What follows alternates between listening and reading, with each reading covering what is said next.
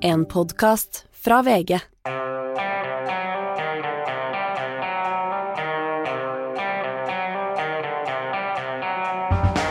Ikke visste jeg at alle disse dagene som kom og gikk, de var selve uke ni. Vi er godt i gang med det nye året, og et godt nyhetsår har det vært, Hanne. Ja, gure, det har virkelig vært eh, Ting har skjedd hele tiden. Det har vært ting å snakke om hver dag, Anders. Altså sånn passe postmodernistisk, eh, som passer VG. Store og små ting eh, som på en måte alle engasjerer. De store geopolitiske konfliktene og de litt mindre kulturkrigaktige også konfliktene, som er sånn som vi i VG lever godt av. Ja, og Det er det jeg elsker med VG. Det er miksen. Vi, liksom, vi skal være best på borgerkriger og kjendisskilsmisser og influensere. Ja, Hvorfor skriver du ikke mer om kjendisskilsmisser hvis du er så glad i det også? jo, men dette er miksen, og det er andre som gjør det. Ok, Eh, Men jeg kan godt gjøre det hvis det kommer en sånn som også er politisk eh, interessant. ja. Skal, skal du skrive om en kjendisskilsmisse i morgen? Eh, nei. Nei. Vi skal snakke mer om hva du skal skrive om eh, i morgen etterpå. Eh, vi skal eh, også til USA, selvfølgelig, hvor, hvor Rupert Murdoch har eh, innrømmet at Fox News eh, drev med fake news eh, under, under dekningen av valgresultatet i 2024. Og vi skal snakke om Arbeiderpartiet, vi skal snakke om Fosen, vi skal snakke om Tennessee, hvor det er blitt forbudt med dragshow. men First things first. Vi må selvfølgelig snakke om eh, I går kveld gikk push-varselet ut til eh, alle VGs lesere, og ikke bare VG. NRK sendte push-varsel også. Alle de store nyhetsinstitusjonene sendte push-varsel om at som eh, NRK har formulert det nå på alle morgensendinger i dag, det er slutt mellom NRK og Sofie Elise Selma. Kanskje ikke noe bombe, men litt visst likevel. Ja, mange har jo venta på hva som skulle skje nå. Det føltes ut som NRK på en måte måtte gjøre noe, spesielt etter eh, debatten, eh, hvor eh, kringkastingssjefen ikke kunne gi noen svar, men det skulle foregå en samtale. Og nå fikk vi jo vite at Sofie Elise og Fetisha selv trekker seg fra podkasten. mener de da i denne pressemeldingen fordi NRK har gitt dem sanksjoner på den andre kommersielle virksomheten. Jeg føler at dette er litt sånn at Paul McCartney slutta i Beatles, var egentlig John Lennon som ville ut, og så ble han overtalt til å nei, nei, hold ut litt til, og så gikk Paul McCartney ut først og sa nei. For det var vel egentlig NRK som ville kaste ut Sophie Elise, men så kom hun dem i forkjøpet. Ja, Det er jo veldig mange tråder her, da, og man kan jo helt, man kan jo bare spekulere på en måte i hva som har skjedd. Er det sånn at NRK har gitt dem et tilbud som de på en måte måtte takke nei til, og dermed fått dem til å gå fordi de ønsket det? Syns NRK kanskje det er litt trøblete at Sofie Elise nå sier i pressemeldingen at eh, For det er litt sårt fra NRK. snudd? Det er litt Ja. sånn, det var egentlig vi som gjorde det slutt, så ja. Ikke sant? Og det blir jo litt sånn det ser, Jeg mener at det ikke ser helt bra ut for NRK heller. Spesielt ikke når Sophie Elise sier at eh, her har de snudd veldig i støtten eh, til dette prosjektet etter at eh, kontroversene eh, Eller det ble en kontrovers, da. Så man vet jo ikke helt hva man skal tro. Men det, er, litt knotete for NRK det her, altså. Og de skylder jo på disse kommersielle bindingene, men jeg tror nok ikke dette hadde skjedd med mindre alle disse andre konfliktene hadde kommet opp, som gjør at det blir for mye press på NRK, rett og slett. Nei, for de kommersielle bindingene det vil si at hun promoterer diverse merkevarer og, og driver liksom, ja, sånn som vi ikke skal drive med i journalistikken. Ja. Men det, det hadde hun med seg inn, det var ikke noe bombe at hun kom til å fortsette med det. Nei, nei, nei, og NRK sa jo på debatten, kringkastingssjefen sa vi visste at Sofie Elise var en influenser, og, og det er jo her det blir veldig vanskelig. det. Eh, men det kan jo tenke seg, da, hvis vi skal, for jeg kan jo bare spekulere, men kan det hende at de som har kommet med denne ideen til podkasten, har vært mer i min generasjon og vært mer progressive og, og tenkt at dette blir bra, liksom.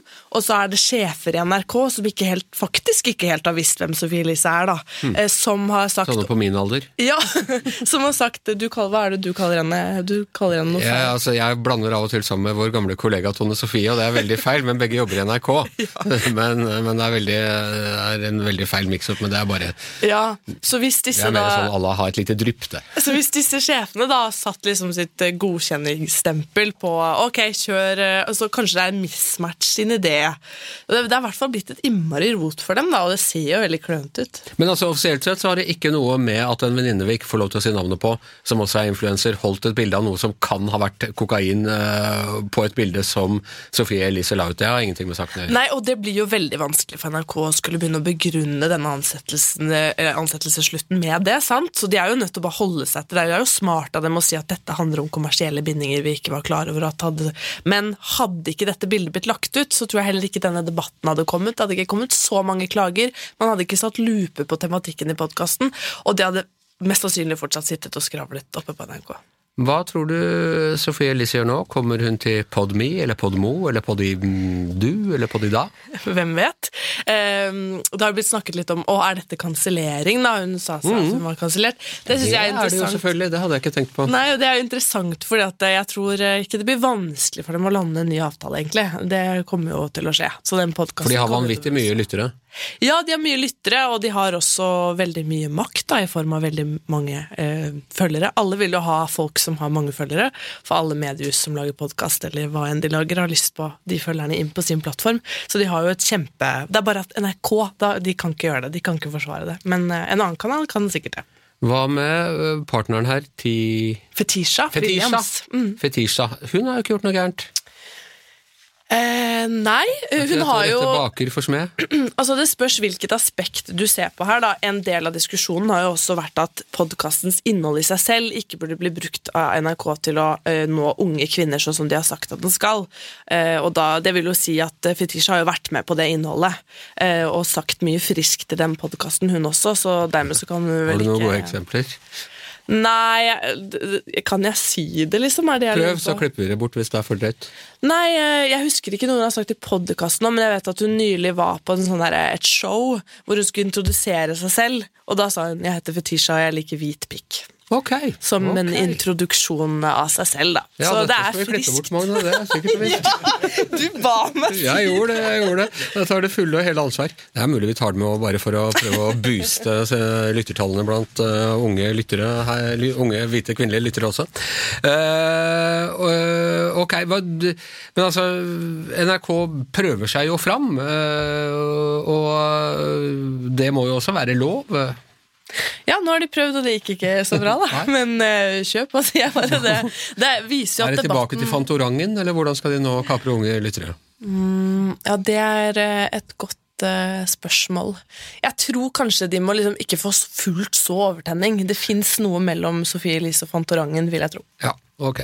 Vi, vi satser på det.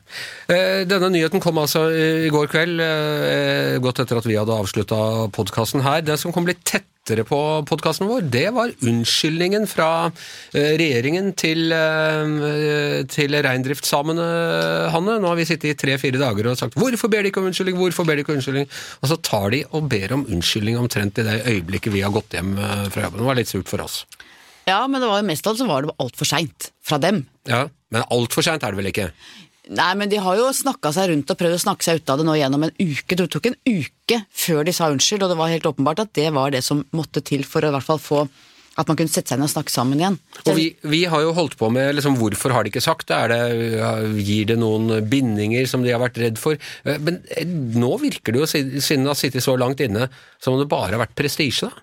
Ja, prestisje, antagelig mest alt prestisje fra embetsverket. Mitt inntrykk er at det er embetsverket i Olje- og energidepartementet som har holdt veldig på at de ikke skal si unnskyld, ikke skal gi noe.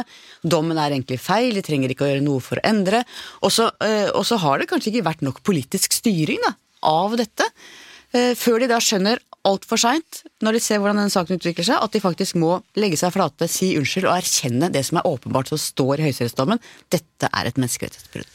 Og eh, det er altså da olje- og energiminister Terje Aasland som eh, eh, framf har framført denne unnskyldningen. Nå er det noe frokost med Støre i dag også, så er mulig han ber om unnskyld eh, også. Men eh, altså, han har jo ikke hatt noen takknemlig jobb det siste året i det hele tatt. og ekstra vanskelig denne uka, kanskje?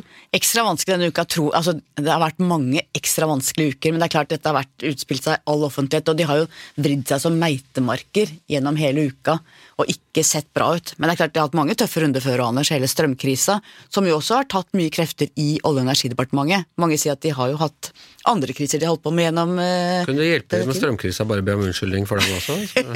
ja, kanskje det. Unnskyld for alt. Ja, ja, vi, vi beklager så meget.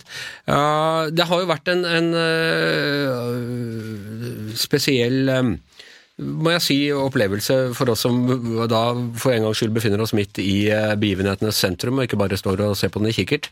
Eh, For det har skjedd rett utafor bygget her. Det var en fantastisk konsert nede utenfor Helsedepartementet med Mari Boine og flere andre samiske artister tidligere i uka. Vi så Grete Thunberg ble båret vekk fra Finansdepartementet da vi var på vei til, til jobb her om dagen. Eh, Roar Hagen, både du og jeg, eh, som jo har levd en stund. Eh, Vi husker jo forrige gang, i 79 og fram, helt fram til 81, de mange protestene mot utbyggingen av Alta, Kautokeinovassdraget. De slo opp en, en eh, leir og sultestreika foran Stortinget, de ble båret bort fra Stilla. Eh, Hele denne hva skal du si, visuelle protesten har liksom kommet tilbake. Ja, for meg er det jo en veldig déjà vu-følelse. Eh, Den gangen så skjønte jeg ikke så mye av det. Jeg hadde altfor lite innsikt og kunnskap om den lange konfliktlinja som lå mellom det norske og samefolket, og det fikk vi jo da forklart, og politikerne fikk det forklart på en veldig brutal måte. Vi så den gangen som nå en enorm kulturell mobilisering. Eh, Vi har selvfølgelig samedraktene og all den eh, fargerike kraften som ligger i det, men i tillegg så fikk vi musikken. Vi fikk da en, eh, en allianse mellom eh, samisk joik da, med Mattis Hetta og Sverre Kjelsberg. Som vant Norsk Norsk Grand Vant Prix. Norsk Grand Prix-finale. Og altså, En allianse mellom eh, urfolket og den radikale kulturdelen som gikk opp i en høyere enhet gjennom Sami Ednan, som vi sendte til Europa. Og nå har vi Mari Boine, og når vi ser disse energiske unge samene som strømmer gjennom gatene her, så, så skjønner du at de er ute på et, et, et større prosjekt, altså et, et høyere formål.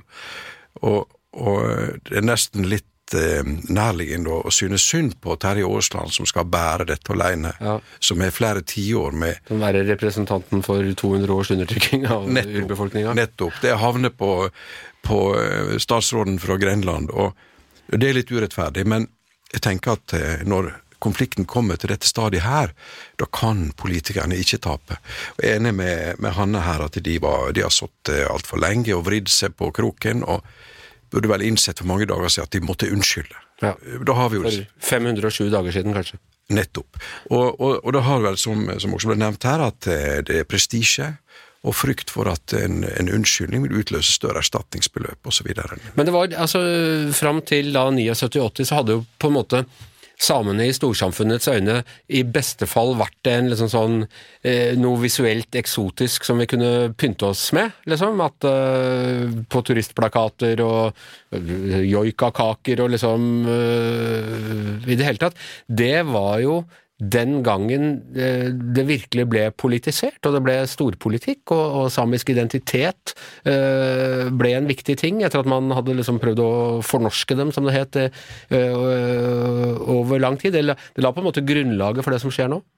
Absolutt, og inntil 79, 80, 81 så var jo samisk kultur veldig usynlig. Det var jo folklore og turist... Prospektkort og slike ting. Så Det var en sang som het Lille Laila, husker jeg, som var nett, nettopp. Og, og da framstår jo samefolket som en kulturell enhet. som det Norge består jo av to folk, det norske og det samefolket. Vi har jo eget flagg, ikke sant? En som har eget flagg. eget parlament. Ja, og det kommer jo for dagen dette med tjuveri av eh, samisk land, og som eh, immatrikulert jord i Finnmark, og hvor vi legger alt dette inn under Finnmarkskontoret. Eh, der det tidligere ikke var gjerde og slike ting. Så det synliggjorde jo en, en svært eh, lang og djup konflikt som var nok et politisk sjokk, og det er nesten utrolig at det minnet er så svakt i dag at de håndterer det så dårlig som vi har sett. Men altså, han har vi snakket om at en unnskyld skaper ikke presedens for noe som helst. Men Eh, Det er ikke sånn at denne saken er over eh, med denne unnskyldningen. Det er veldig store eh, utfordringer eh, i hvordan eh, samhandling mellom eh, reindrift og eh, resten av storsamfunnet, ikke minst for folk som bor i eh, Finnmark eller i, Trøndelag eller de, og de områdene eh, som denne urbefolkningskonvensjonen eh, omfatter. Altså, kan ikke bygge vindmøller, kan man drive gruvevirksomhet, kan man eh, drive industrivirksomhet, eller er disse områdene som altså utgjør 40% av Norges grunnareal for evig underlagt eh, reindrift? Sånn kan det jo nesten ikke være. Altså, man, Men er det sånn? Nei, dette går inn på tolkning av denne høyesterettsdommen, hvor det er ulike tolkninger som ligger til grunn. Men det er klart at de sier at de vindturbinene var et menneskerettighetsbrudd fordi Og sier også at de avbøtende tiltakene, såkalt, det man skulle gjøre for å reparere skaden, ikke var gode nok. Eh, og da er spørsmålet hva er gode nok avbøtende tiltak? Er det slik at eh, samene skal ha vetorett på alle fremtidige utbygginger i Finnmark? Det tror jeg er umulig å leve med for, eh, for alle. Og så er spørsmålet om man da på en måte finner en, en vei som er at det ikke er menneskerettighetsbrudd, men man må kunne bygge ut planlagte linjer for strøm, industri, kraft, den type ting. Og ordføreren i Porsanger, som selv er same, hun har et sterkt intervju i Morgenbladet i dag. Hvor hun snakker om hvordan eh, hun føler seg veldig pressa, men sier at det er nesten umulig å få til. Det kan ikke være slik at vi ikke kan ha næringsutvikling. Befolkningstallet i Finnmark stuper. Det har sikkerhetspolitiske aspekter. Det må bo folk i Finnmark, særlig den situasjonen vi er nå med Russland på andre siden av grensen. Det er utrolig komplisert. Om, man- om man klarer å på en måte tråkle sammen noe som både skaper enighet med samene det gjelder, eller hvis det ikke går, så tror jeg at eh, hvis du leser Terje Aasland riktig, så tror jeg han leter etter et såkalt handlingsrom hvor man kan få til ting som har nok avbøtte avbøte tiltak til at det ikke er menneskerettighetsbrudd, selv om det kan bli protester. Men det er kjempevanskelig. Vi kommer til å ligge haugevis av konflikter og strid og vonde ting foran oss, særlig i Finnmark og andre områder hvor det er Men er det egentlig en næringskonflikt? Altså mellom, eh, mellom reindrift, som har da eh, en rekke rettigheter knyttet til urfolkrettigheter på den ene siden, og eh, moderne drift av et samfunn som skal prøve å jobbe mot avfolkning, og ja, som du sier, som, har, som vi har sikkerhetspolitisk interesse av at det bor folk der?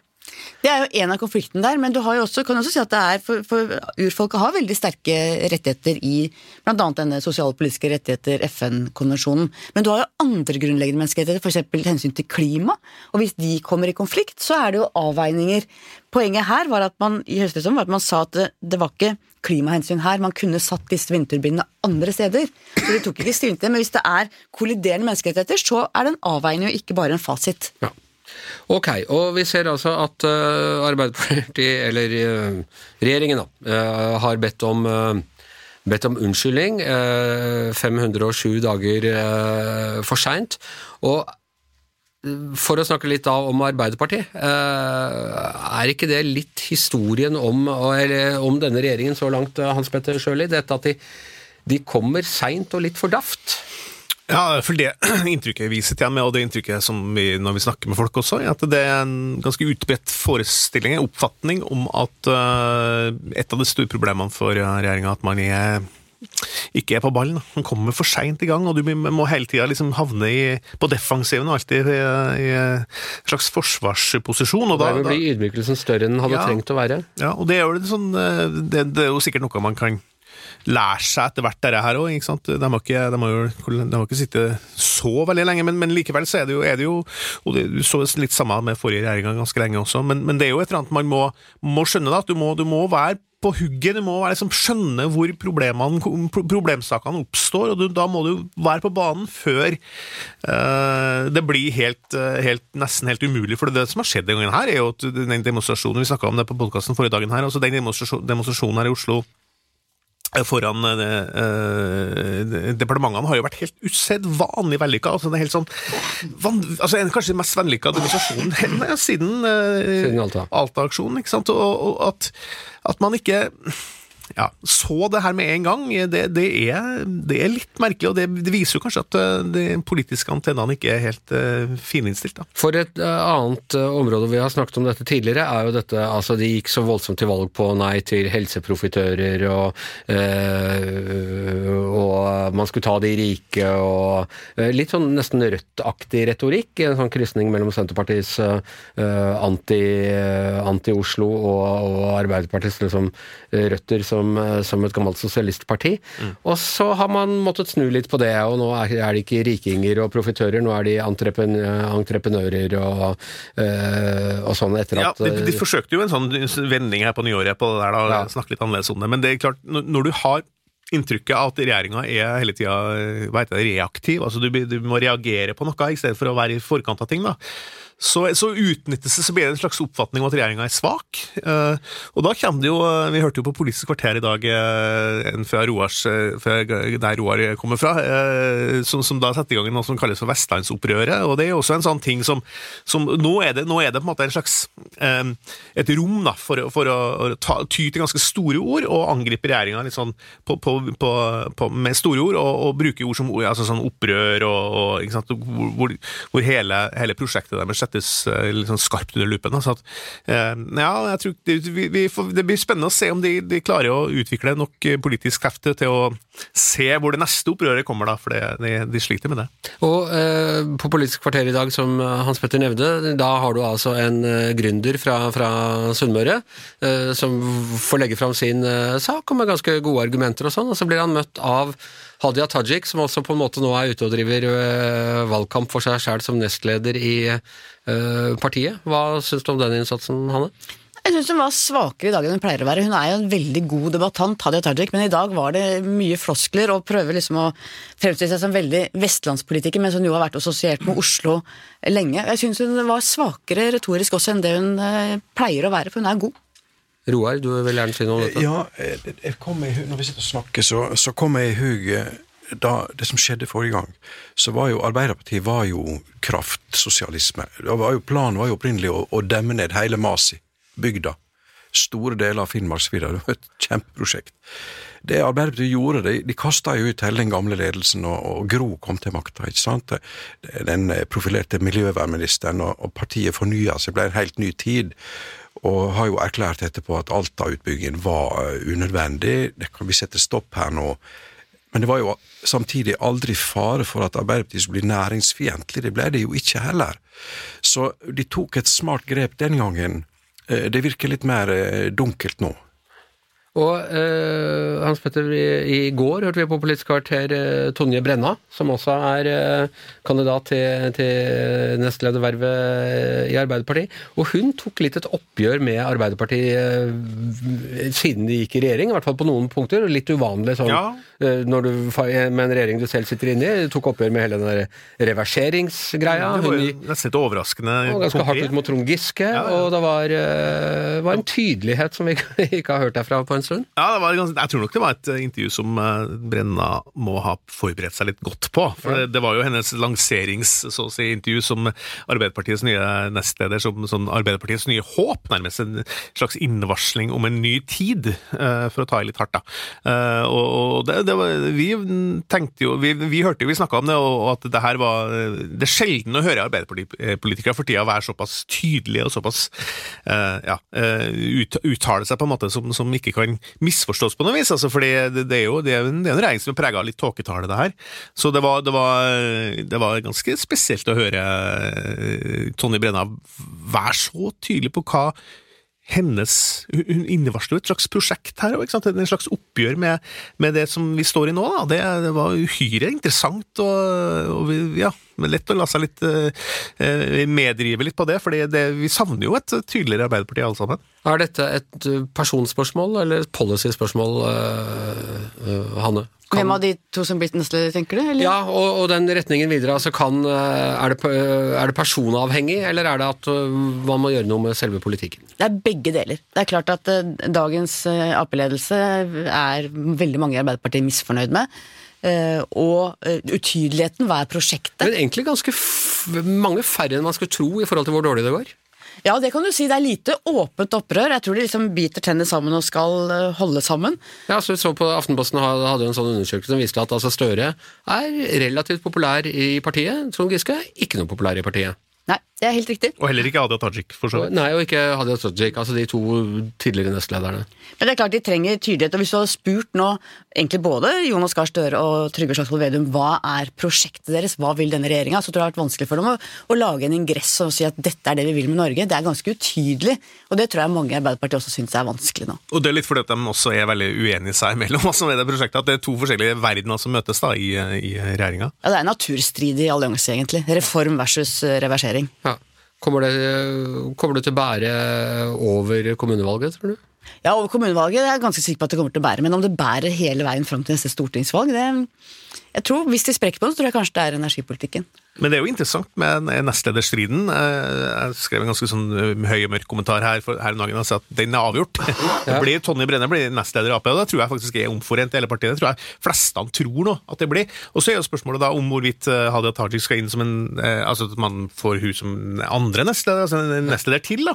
Og da må jo han Bjørnar Skjæran da må jo Bjørnar Skjæran ut som er nestleder i dag, og så er det spørsmål om hva skjer med partisekretærstillinga, og så har, har det det gående, da. Man vet jo aldri hva som ramler helt ut av, av de der eh, bøttekottene oppe på Youngstorget, men, men eh, så det, det blir, eh, som Hanne sa her, det blir jo spennende å følge med på landsmøtet i Arbeiderpartiet i år, hva, som, hva de ender opp med. Ja.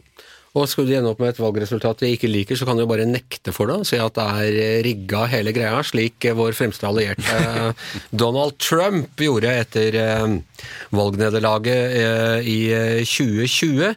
Eh, Denne saken hjemsøker fortsatt eh, USA. Det er eh, Dominion, altså de som leverte eh, mye av eh, valgopptellingsteknologien, for å si det litt enkelt, eh, til valget, de har saksøkt Fox News, og for så vidt også Trump, eh, for å ha eh, for å ha eh, fremmet påstander om eh, at teknologien deres eh, eh, førte til juks. Og nå kom, eh, det har altså kommet fram de siste to ukene, Per Olav, at eh, Rupert Murdoch Eh, altså selve the grand all man i uh, høyresidens uh, medieimperium. 91 år gammel, han holdt på siden jeg var barn da han overtok, uh, overtok britiske The Sun. Han er australier, bygget seg opp, og, og da altså Fox News i USA. Han har innrømmet at ja, det var fake news Fox News drev og promoterte, og det gjorde det av rene forretningsmessige årsaker. Ja, det har vært litt av en avsløring. Det er jo lagt fram sånne Det er dokumenter da, som er lagt fram i, i forkant av en rettssak, som jo kommer øh, ganske snart. øh, øhm, hvor de søker om 1,6 milliarder dollar i erstatning. Det tilsvarer omtrent årsresultatet i Fox i USA. Ja.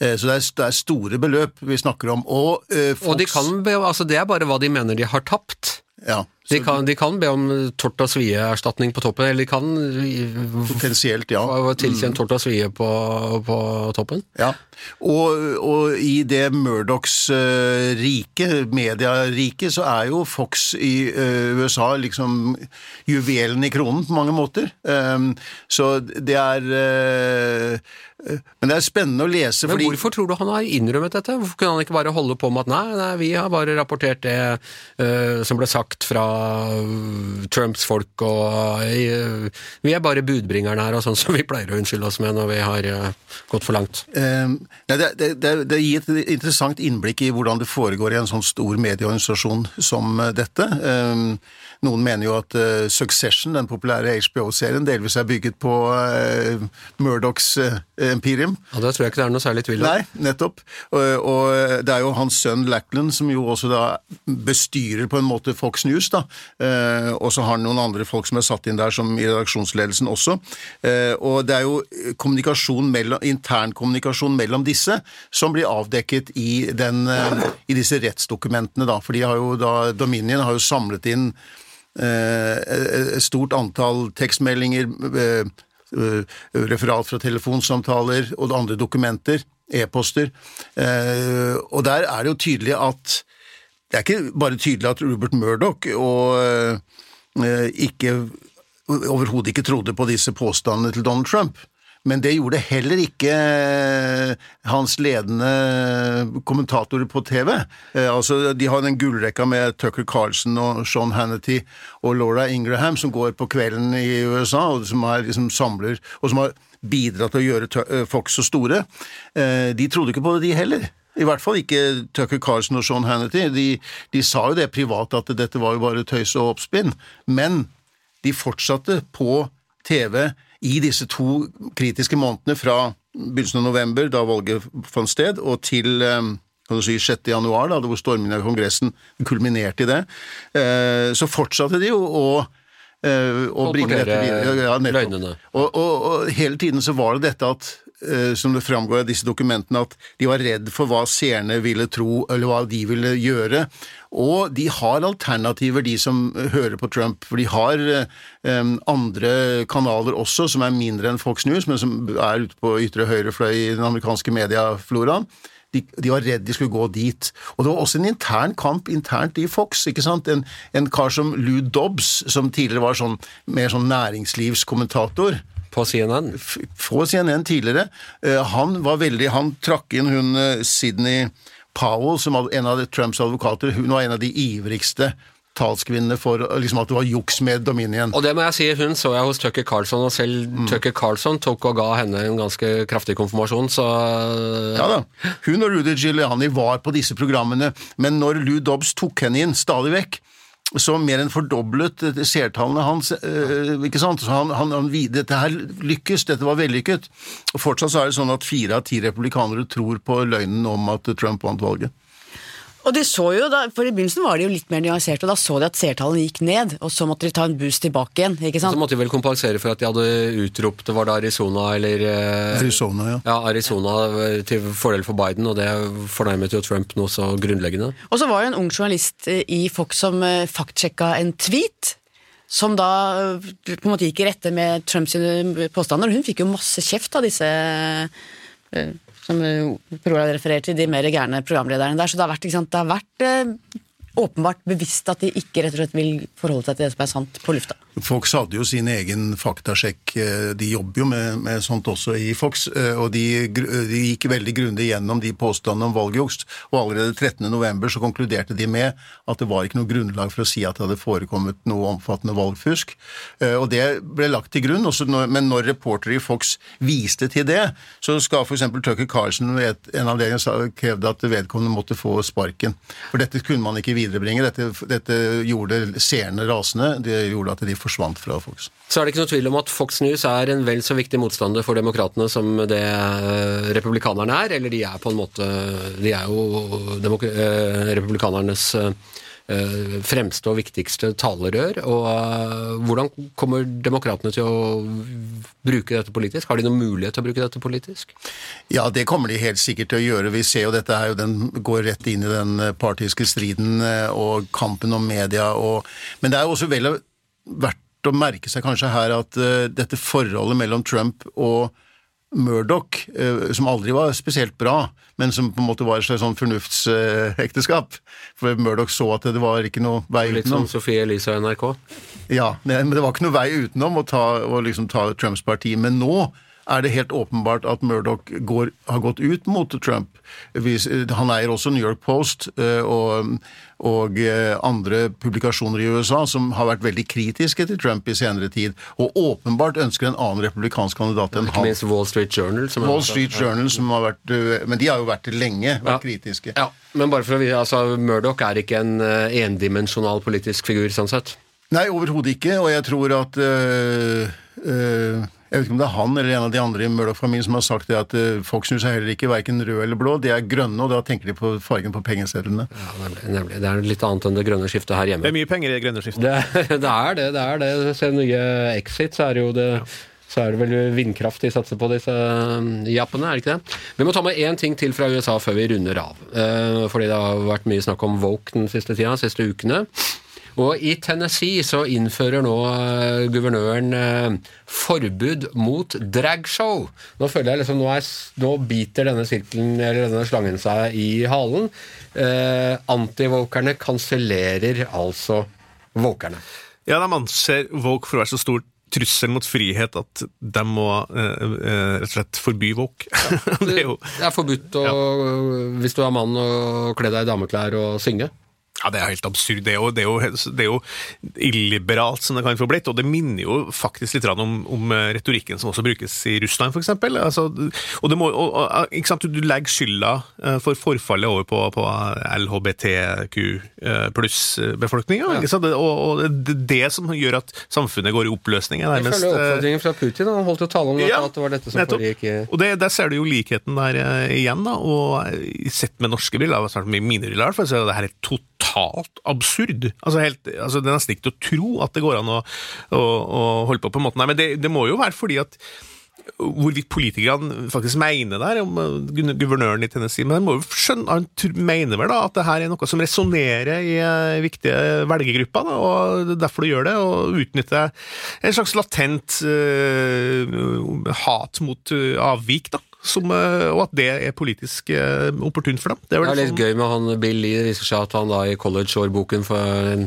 10-20 år tilbake så har han selv stilt opp i, i, dameklær, men han mener at det er sånn godmodig satire og ikke Er ikke det ganske vanlig da, at det er mange, mange av de, de, de, som er mest mot det her, er den som, som, er litt sånn sjøl? Ja, altså Argumentet her er jo at man da skal skåne barn da, for å se menn som har kledd seg ut i, i dameklær. Og det er akkurat som det da skulle være et stort problem at, for, at barn er liksom de vanligste gjestene i de ja. nattklubbene hvor dette er en, et, et For det er flere er stater som har planlagt det. altså Grunnen til at du tar det opp, det er ikke bare en sånn uh, hick-stats uh... Nei, men det er ikke lenge siden en av de andre statene i sør vedtok eh, kleskoder for kvinner i nasjonalforsamlingen, altså hvor de ikke kunne vise for mye hud. altså de kunne ikke vise... Hva minner dette om, Hanne? Nei, det...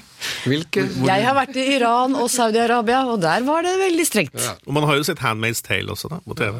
Og så er det jo det at i hvert fall en del på høyresiden i USA har sett at dette her er en viktig sak de kan bruke i en valgkamp. Og eh, en av de mer sannsynlige presidentkandidatene som ennå ikke har meldt seg på, Ron DeSantis, det er jo ikke noe, han, snakker, det er jo ikke noe han heller snakker om enn anti-woke, og at Florida er det woke dies here, som han pleier å si om Florida. Her skal de, vi kne, ta knekken på woke en gang for alle.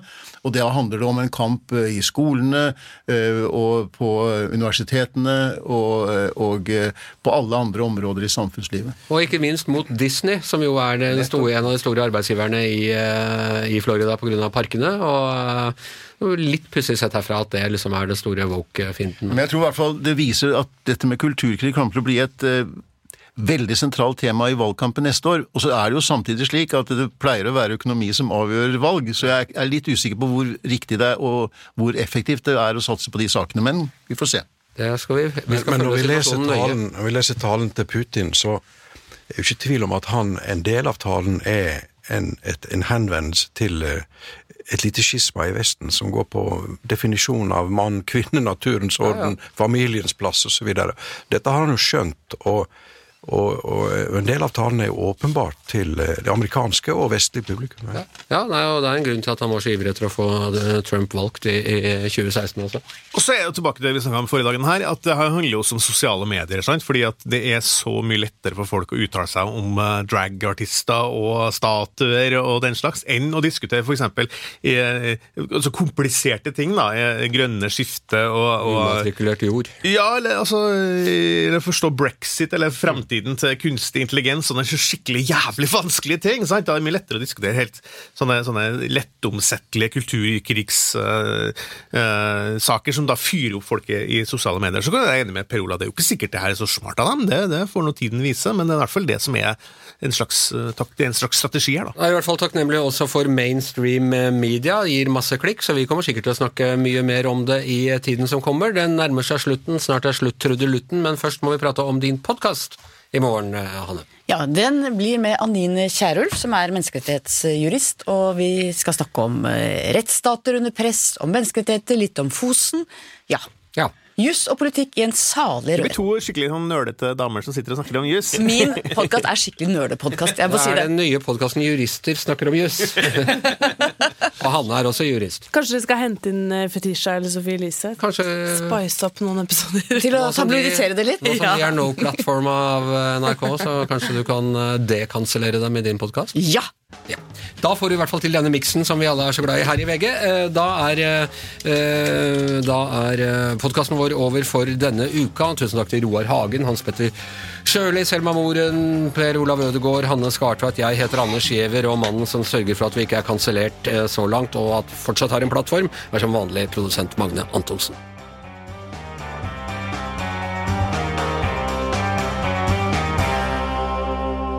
Du har hørt en podkast fra VG. Ansvarlig redaktør, Gard Steiro.